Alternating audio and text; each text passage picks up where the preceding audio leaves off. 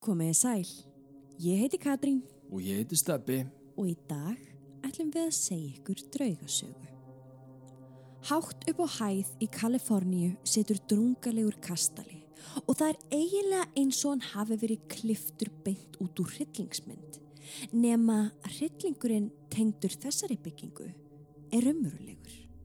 Múrsteinarnir sem notaðir voru til að byggja kastalan voru búnir til af föngum og því er ekkert ólíklegt að rót ílskunar sem þarna leynist sé líklega stift í sjálfan grunninn og mögulega sé bölfun á byggingunni. Nöfn þeirra sem byggu þarna og lifðu við hróttalegar aðstæður eru skorin í veggina eins og risastór gestabók þeirra sem upplifður hyllingin. Áminning um það að einhver staðar verða vondir að vera. Veri velkomin í Preston Kastalan.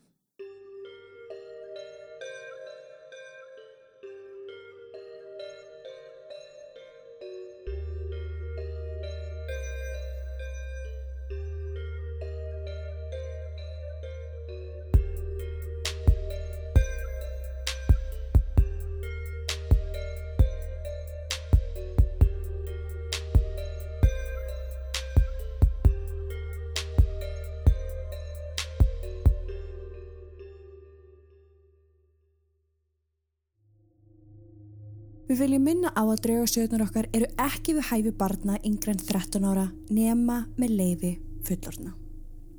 Og með því hefjum við sögu dagsins. Þú er svolítið kvefið í dag, Katrín.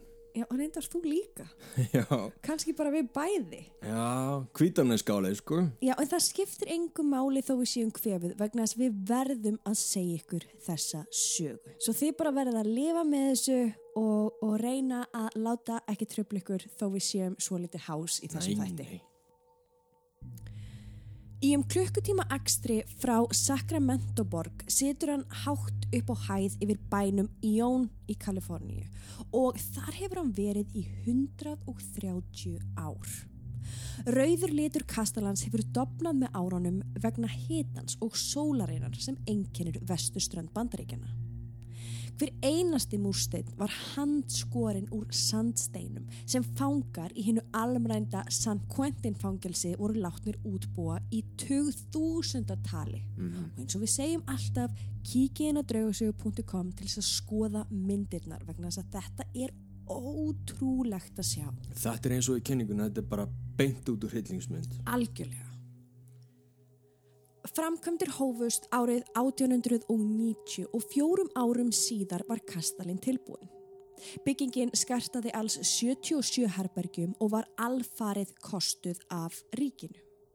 Við opnun árið 1894 bar kastalinn nafnið Preston School of Industry. En þetta var engin venjulegur skóli. Heldur fangelsisvist fyrir úlinga. Á þeim tíma sátu nefnilega ungmenni inni í fangelsum ásamt fullorðnum og tóku út sína refsingu. Og það var einmitt þá þegar að sjö ungir piltar sem afplánuðu í St. Quentin fangelsinu Sama fangelsi og framleiti múrsteinana sem byggðu Kastalan. einmitt voru færðir inn í hið nýja óhugnarlega mannverki upp á hæðinni. Á þessum nýja stað var markmiðið að skapa betrunavist til að aðstóða ungu piltana sem hefðu komist í kast við lögin. Að bæta ráð sitt og gefa þeim möguleika á betra lífi að afplánunni lokinni. Venjulegum degi í lífi þessara pilta var þarna skipt í þrend. Hann byrjaði á skóla, fyrirpartin. Mm Setnipartin var eins konar yðjuþjálfun, þar sem þeim var kent meira um sitt áhugasvið. Já, bara það sem áhugas við þeirra lág, þá var þeirra kunnóta bara betur um bætt og þú veist, þeim leiðbeint meira. Og í lókdags var herþjálfun, þar sem líkamlega raunir, ægi og einbytting var í fyrirnúmi. Þannig að í rauninni bara, ok, skóli, uh, færði að gera það sem ég langar til að gera svona nokkurn veginn já, og svo herþjálfun. svo bara brútal herþjálfun. Í þessari 5.000 fermetra stopnun var sér útbúin sjúkrahús Alma. Vistmenn ræktuðu sinn ein matjúrstakarð og kyrðu upp orku með nærlegjandi vassmilu og í yðju þjálfuna vinnu þeirra voru þeir látnir útbúa skó og vatnað, huga dýrum, vinna í sláturhúsinu og útbúa matinn fyrir þetta litla samfélag. Kastalin var því algjörlega sjálfbær. Í þessari stopnun var einnig starfræk skólanhljómsveit sem þótti ansi efnileg og íþróttalið sömu leiðis. Aldur þeirra sem afplánuðu við Preston voru frá 12 ára aldri og upp í 24 ára, þannig að þetta voru alveg börn. Já, Þó flestir þeirra væru fangar sem frömdu alvarlega glæpi, týðkaðist líka að foreldrar sem ekki sáu sér fært að annast börn sín sendu þau í Preston-kastalan og munaðalus börn sömu leiðis. já, þetta höfum við heyrt um marga þessa staði og sanatoriums í gegnum okkar þætti. Þetta var bara algengt á þessum tíma. Algjörlega og það er einmitt líka svolítið spurning þú veist hvað maður er að kalla þessa drengi þú veist, eru þeir Já. kallaðir fangar, íbúar, nemyndur, vistmenn Þú veist, við, við munum notast við uh, fangar í Já. þessari sögu Þeir eru náttúrulega afplánuð þarna. Já, en maður hugsar þeir drengir sem voru síðan bara sendir Einmitt. þeir voru ekki fangar. Nei, Fangandi þurft að líða alls konar barsmíðar og pyntingar á meðan á þeirra svokulluðu betrunar vist stóð. Ofbeldið var eins gróft og það gat orðið og orðrómur um kynferðslegt ofbeldi á þeim var lengi vel á vöru manna og íbúa í kring. Í gegnum árin fjölgaði föngum í Preston svo gríðarlega og reglulegar óeirðir brutust út á meðal þessara reyðu ungu manna sem haldi var þarna föngum. Mótmæli og uppþótt brutust út vegna ósættis fanga og starfsfólks í hverjum mánuði og margir letu lífið undir því sem titla var óútskýrð dánarorsök. Sjúkdómar og smitpestir dróðu líka marga þeirra til dauða en þar ber helst að nefna bergla og bergla tengda sjúkdóma sem var jú auðvitað skæður faraldur um heim allan. En burt séð frá því eru alls 26 döðsföll tengd við Preston Kastalan sem ekki var hægt að rekja til eðlilegra döðsfalla. Og þessi 26 mál eru öll skráð sem döðsföll af dularfullum kringumstæðum. Það þykir ansi grunnsanlegt. Algjörlega. Þeir sem ekki áttu ástvinni til þess að sækja lík þeirra eða kusu að gera það hreinlega ekki sem var bara mjög algengt á þessum tíma voru jarðaðir fyrir utan Prestonkastalan í litlum kirkjugarði. Og þessi kirkjugarður er það rennið ekki. Hann er þarna ennþá og það er aðeins uh, átján grafir sem að bera nöfn á þessum kirkjugarði. Ok. Allar hinnar sem eru tölvöld fleiri, það eru allar ómæstar. Í apríl árið 1919 byrtist eftirfærandi frétt í Amador Ledger með fyrirsögninni Vörður drap Preston fanga á flótta. Samuel Goins, litaður fangi við Preston skólan, var skotin til bana að verðinum J.E. Kelly síðastliðin laugadag. Goins strauk úr Preston deginum áður og fannst við Thornton sveitabílið. Hann hótaði að drepa þann sem reyndi að handsama sig sem var til þess að Kelly skaut Samuel Goins í fótlegin. Særður reyndi hann að skrýða undir girðingu en fjekk þá aðra byssukúlu í bakið. Hann lést nokkrum klukkutímum síðar og varð Kelly síknar fyrir morð og er sagður hafa sint skildusunni sem lagana vörður. Samuel Goins var 20 ára aldri og satt inni fyrir rán. Wow.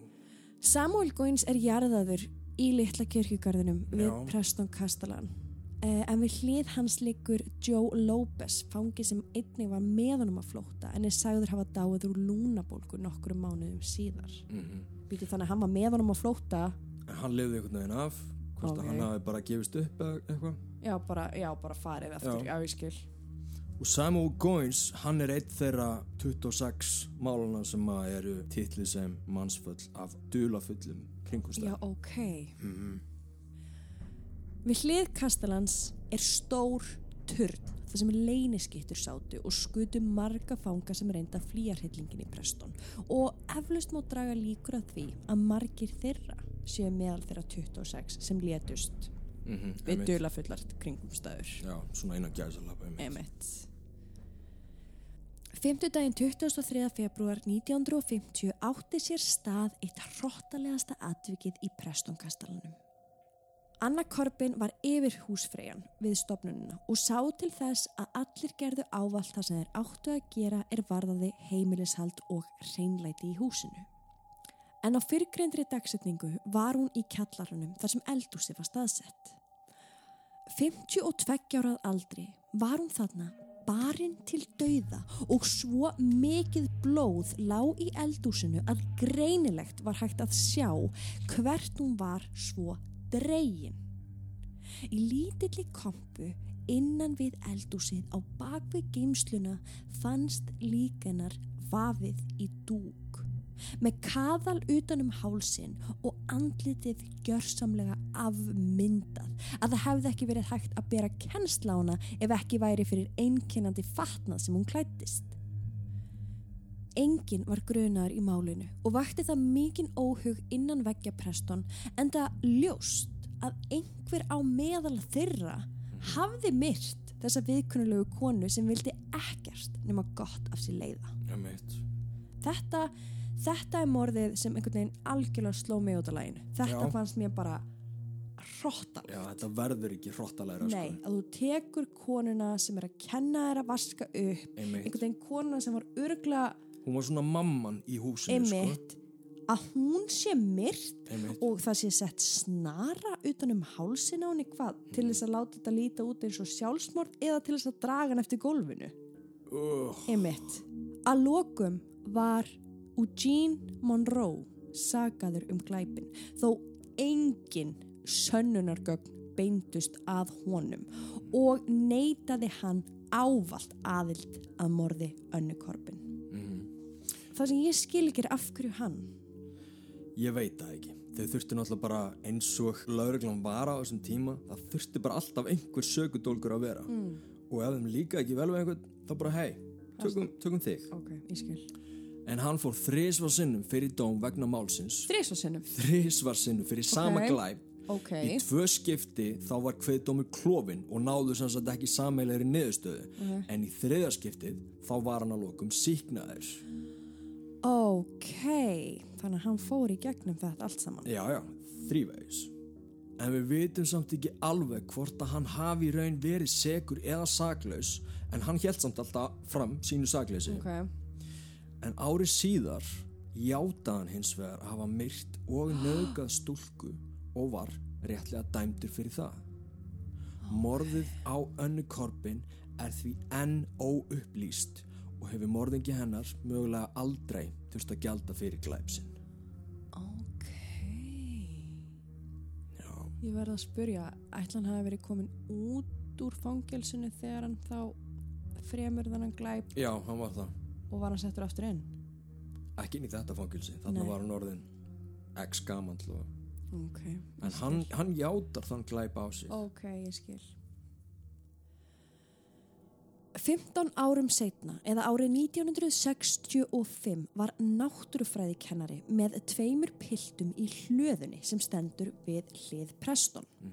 Hann var að kenna þeim að móka brunn og hvernig ætti að ganga til verka. Þegar kennarin beigir sér niður til jörðu, gengur einn piltana aftan á honum með járnrör og án tilöfnis byrjar að lemja hann ítrekkað í höfuðið þar til hinn pilturinn byrjar einnig að gera það sama. Kennarin fannst ekki látin fyrir en síðar en kvöldið og piltarnir tveir voru bak og burt. Veist, hvað gekk þeim til? Þetta er auðvitað bara svo rosalega reyði í þessum Já. drengjum. Og náttúrulega við vitum ekki fyrir hvaða glæpi þessi drengi voru þú veist þarna inni fyrir til að byrja með. Af því þarna voru sko morðingjar, ræningjar, bara allt neymit. Og ef við förum aðeins lengra, Já, þá vitum við svo sem ekkert hvað þessi náttúrufræðikennari var búin að gera þeim. Ég akkurat. meina ef þau, þeir voru að upplifa ofbeldi Já, og mjögulega kynferðislega misnótkun, ég meina við vitum ekkert hver það var. Nei, ég við veit. meiri þess að vitum ekki alveg hvort það mögulega það hafi verið húsfræðan. góðu punktur. Við vitum það ekki. Þannig að þetta er, þetta er ótrúlega óþægilegur þáttur að því leitinu til að við vitum ekki alveg hver er vondi kallinn og hver er góði kallinn.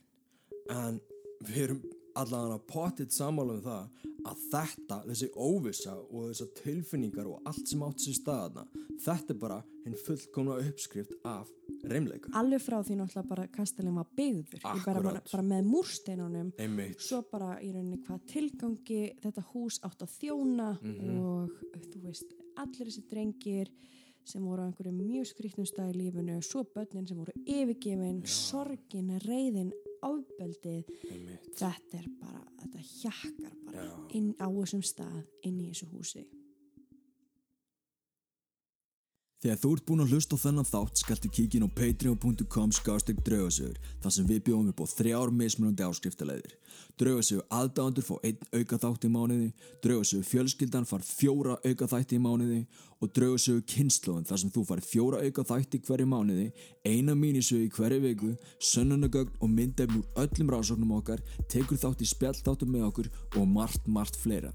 Nýjir áskrifundur fá aðgang á öllu efni frá upphafi strax við skráningu. Eftir hver er þú að býða? Árið 1960 var Preston School of Industry loksins lokað og allri starfsemi þar hætt. Í námynd við Preston hafði nefnilega nýlegri stofnanir verið reistar sem átt að þjóna svipuðum tilgangi nema með nútímalegri nálgunaraðferðum. Og það var þá sem Preston kastalinn tæmdist og stóð hann tómur í heil 40 ár án þess að nokkur stígi fæti inn í þetta skuggalega mannvirki sem allir bæjarbúar óttuðust og vildu helst bara gleyma að hefði nokkur tíma verið til. Og þetta, þetta finnst mér svo frábært með manneskjuna Já, já. að það eru til svo ótrúlega mörg ymitt svona hús, svona stopnanir sem við allt í henni þykjumst bara að sé ekki til. Já, og einmitt. þetta er náttúrulega aðlega í bandaríkjunum en er reyndar líka í Asíu mikið. Já, en þetta er svona risastór hérna einmitt núna skóli, risastór kastali risastórt sjúkrahús sem er bara þarna. En við Já. ætlum samt bara að þykjast ekki sjá það. Já, þetta er bara resastór svartur blettur og í þessu tilfelli fjagara til fimm hæða kastali einmitt við bara, nei, lítum undan. Horfum eitthvað annað. og, og meiri segja það, þú veist, þú ferð ekki einu sinni í það að vilja mögulega gera eitthvað, eitthvað, eitthvað business ef ég leiði mér að sletta, bara eitthvað að búa til eitthvað úr þessu. Mm. Já, nei, við, Nei, nei. Af, því að, af, því, af því við vitum í rauninni hversu svart þetta er Já, af því við manneskjöldnar þó meiri segja þeir sem bara segjast ekki trúa drauga eða hvað sem er, þeir samt meiri segja að horfa undan. Já, það vill ekki sjá þetta. Þetta er bara, já, þetta er eitthvað ljótt. Þetta er eitthvað ljótt.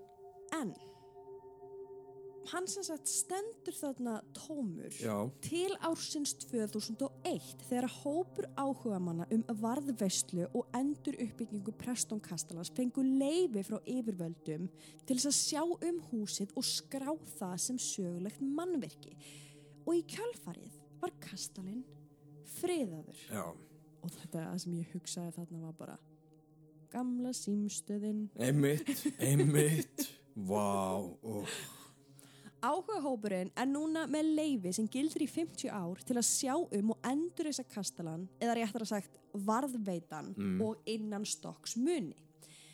En skaðin er skeður. Húsið er aðeins beinagrindin af því sem það eitt sinn var. Þakplötur eru á mörgum stöðum hornar á brott með veðrinu og gólfið er viðsvegar rótið í sundur og hægt er að horfa í gegnum götin á þeim niður allar hæðir húsins. þetta er mjög, mjög illa farið hús Ljóst er að viðgerðir og endurreisn á eftir að taka langan tíma og mikinn mannskap. Sérstaklega þar sem aðeins erum að ræða sjálfbóðaliða sem reyna þó eins og þeir geta að sportna við niðurnýslu þessa tegnalega kastala með kolsvörtu fortíðinni. Nei, ég bara myndi allt einu bara sjálfbóðalegar og mikinn mannskap og þetta áttur að taka langa tíma bara aftur í gamla símstöðin Þetta er gamla, það, það er það sem ég er að segja, þetta er að finna sko. Nefnum náttúrulega gamla símstöðin er ekki með svona hryllilega sögu. Nei, en það er samt hús sem er eiginlega ekki hægt að laga en samt er verið að reyna að laga það. Þannig að með sjálfbóðalegin ég ber alveg verðingu fyrir fólki sem virkilega, virkilega ætlar að fara í svona en hér kemur eitt sem mér finnst mjög heitlandi og ég vissum að, að, að hlustendum finnst það líka Já. rúmin í herbergjum Preston eru öll þau upprunalega og það er það sama að segja um hérna típisku skólabekki á neðri hæðanum. Baðkur og sturtur og meiri segja sjúkrarúmin eru enn með línklæðum í læknisálmunni. Já, við hvetjum einhvern til að skoða myndirna sem, Kíkið á myndin. þetta, þetta eru rosalega flottar myndir þetta er óögnalegt en þetta er rosalega flott Vist, alltaf svo heillandi þegar einhvern veginn fólk bara fer og skilur eftir eitthvað sem Já. er þarna í mörg, mörg, mörg, mörg tíu ár. Einmitt. Það sem vakti þó fljótlega aðdegli þeirra sem nú varðveita kastalan er að við þessi sjúkrarúm byrtust reglulega svartar rósir fyrir neðan þau eins og einhver væri að kveðja einhvern nærkomin. Engin veit hvaðan þessar svörtu dauðu rósir koma og allt til þessa dags byrtast blómin sem ekki nokkur kann skýringu á. Á ákveðnum kvöldum þegar gengið er hljóðlega um sjúkradeildina hafa margir heyrt það sem fær hárin á líkamannum aldeilis til þess að rýsa. Keðjusög sem heyrist fara í gegnum hold og að beini. Svo hryllileg virðast hljóðin vera að fólk hleypur í skelvingu út úr herberginu. Og þó að sé ekkit vitað nýja líklegt að læknar hafi sagað útlimi af sjúklingum þarna er auðvitað ekki þetta útloka mm. til dæmis ef fólk var með drep í útlimum eða vegna seikusíki en við vitum þó fyrir víst að í húsinu var sláturhús þar sem fangarnir voru látnir aflífa og saga í sundur svín á hverjum degi Alveg rétt. Einn sjálfbóðaliði fullir þeir að í hvert skipti sem hann voga sér upp á fjórðu hæð Kastalans gangi hann út með sársöka tilfinningu í fætinum. En ekki fyrir hann er komin út og í hvert skipti hefur hann fengið óútskýrð klórför á lærið sem hann kann enga skýringu á. En ef hann gengur á öðrum hæðum húsins, gerist þetta ekki. Bara þegar hann fer upp á fjórðu hæð. Eftir þetta, eftir að hann segir frá, Já, stegum margir fram með svipaða reynslu Já. af óútskýrum klórförum sem byrtust eftir að þau áttu leið um umræta hæð. Og þetta gerist vist enn þann dag í dag. já á þessari hæð Já. Margir halda því fram að þarna sé á ferðinni andi Samuel Goins. Já, fangin sem var skotin í fótinn og bakið eftir að hann var að flýja Alveg rétt, já, einmitt, hann sem strauk. Já, Því þó að fjölmargar undarlegar orkur og andar tíndrasála hafa gert sig heimkomin í Preston, þá er svarta og neikvæða veran sem sérst hefur á göngunum talin vera einmitt andi Samuel Goin. ok Hann er talin vera í hemdarhug og vilji öllum illt sem komi inn fyrir hans persónulega svæði. Það getur bara vel verið að hann sé þessi svarta orka hana Mögulega er hann enn að reyna að verja sig gegn þeim sem beittu hann daglega ofbeldi og líti á hvert sem stígur fæti þangað inn sem óvinn. Já, ég er ekki viss. Ég Nei. þurft að fá að, að svona aðeins meira til þess að vita þessi nákvæmlega hann. Kanski Mhm. þú veist að einhver hafi virkilega séð hann og geti borið hann sama við Já, mynd já. eða eitthvað svoleiðis. Ég skil samt alveg að þetta sé alveg góð draugasaga. Já, já, Fattar já, algjörlega. Að segja svartklætti mann ég Sé skil, já, en ég, ef, ég hugsa bara, þú veist, ok, hann var myrtur en hann var Mhm. ekki myrtur inn á stofnunni Nei, reyndar ekki, hann var myrtur fyrir utan. Já, og þetta var stofnun sem hann hataði. Mhm. Og það er ekki eins og hann hafi endilega verið myrtur skyndilega. Var hann ekki að reyna að sleppa? Jú, jú, hann var að strjúka. Já, æ, fattar þú hvert ég er að fara? Já, og pælingar bara, af hverju ættir að fara aftur þangað Já, maður spyrir sig en, en, Hann, hann er náttúrulega jarðaðar þarna líka, sant? ah, Mm. ok ok ef hann er jarðaðar þarna þá mögulega En við vitum svo sem ekkert hvaða f- ályktanir fólk dregur að því að þetta sé hann Nei, þú veist, það er greinilega þessi svarta orka og hún er náttúrulega greinilega að meiða. mm Já, hún var að klóra þarna í læri Já. Já. Já, þetta er áhugavert. mm. Preston Kastalin var sem fyrir segir engungu stopnun fyrir unga pilda sem afplánuðu refsingu fyrir glæpi sína. Og þess vegna þykir stór undarlegt að reglulega heyrist grátur lítillar stúlku bergmána í veggjónum. Það heyrist í henni hlaupa á milli herbergja en hún er hvergi sjáanleg þegar reynd er að elda hljóðin frá henni. Hún er algjörlega ósynileg en grátur hennar er jafnur umverulegur og rattir þeirra sem eru lifandi. Hver allir hún sé? Það er nefnilega málið sko. Djöfullin er þekkti fyrir að breyta sér í barslíki, svo kannski er það svarta ork. Það held ég líka. Ah, nú fyrir þetta meika meira sens fyrir mér. Já, Ok, ég skil. að því stúlku barn átti ekkert erindið að neini sko. nei, nei, nei. Ein kona sem var á gangi um húsið eitt kvöldið bregður mjög þegar hún heyrir einhvern ganga niður stegan. Hún var vissum að hún væri einarna. En með fótatækinu heyrði hún þungan ding með hverju skrefi eins og einhver var að bera eitthvað þungt niður stegan. Hún gengur til og ætlar að leggja fram hjálparhönd þegar hún sér tvo menn í einsklættum búningum ganga aftur á bak dragandi lík á eftir sér niður tröppunar. Líkið var af ungum manni líklega í kringum tvítugt sem var með sárabindi á höfðinu og líka með hans allur þakin blóði sem virtist koma frá höfðans. Ekki vissum nákvæmlega hvað hún væri að sjá, hleypur hún burt og ringir í forstöðumannin sem kemur rakleiðis og gengur með henni aftur að steganum þar sem hún sá þremenningana. Engin var þó á svæðinu og slóðin eftir blóðið sem greinilegt var að henn skömmu áður var nú líka horfið eins og mennindir. Forstöðumadurinn segir henni þá að margt undarlegt sé á segði í þessu gamla húsi sem á sér alls ekki eðlilega skýringar. Hann hafi eitt sem verið að gera við hurðir í eldúskápunum í kjallaranum þegar einhver fyrir aftanan bankar í dýragettinni. Í óða önn við það sem hann var að gera segir hann hverjum sem er að ganga bara inn, hann var alveg að klára.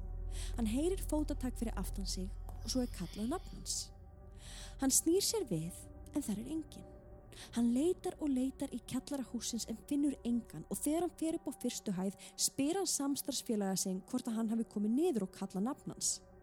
Hann neytar því en segir þó að hann hafi líka heyrt kvennmannsrödd kallað nafn sitt.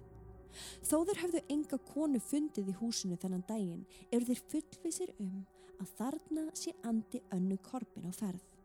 Bara að gangur skugga um að allir séu öruglega að gera það sem þeir eiga að gera. Wow, já, pottet sko. Svo mikið. Fólk hefur líka greint frá því að undarleg fjólublá þoka bregði fyrir á ákveðnum stöðum í húsinu. Þessi einkennilegi litur þokunar þykir mjög undarlegur og engin veit frá hverju eða hvers vegna hún er þarna. Líklega séum einhvers konar anda að ræða en óvist hvort þar séu illöfl á kreiki eða eitthvað algjörlega meinlust. En kuldin sem fylgir þokunni fer þó alls ekkert á milli mála og er mjög greinilegur í Kaliforníu hitanum þar sem engin loftræsting er í húsinu. Ah. Þetta er í fyrsta skipti sem við heyrt um fjólubláa þóku. Mér langar að sjá mynd af henni. Já, skellum okkur. Er til mynd? Nei, miður. Ekki svo ég veit, sko. Það er ekki mikið talað um fjólublár þokur sko. Nei. Það getur enginn ímynda sér hvaða hróttalega ofbeldi áttir sér staðarna nema þeir sem upplifið það af eigin hendi. En sársökin, ringulreiðin og dauðin er veggfóðraður í húsið og líklega engar endurbætur geta þurkað í burtu þar sem vistmennir í prestumkastalunum þurft að búa við og hugsanlega búa við ennþá.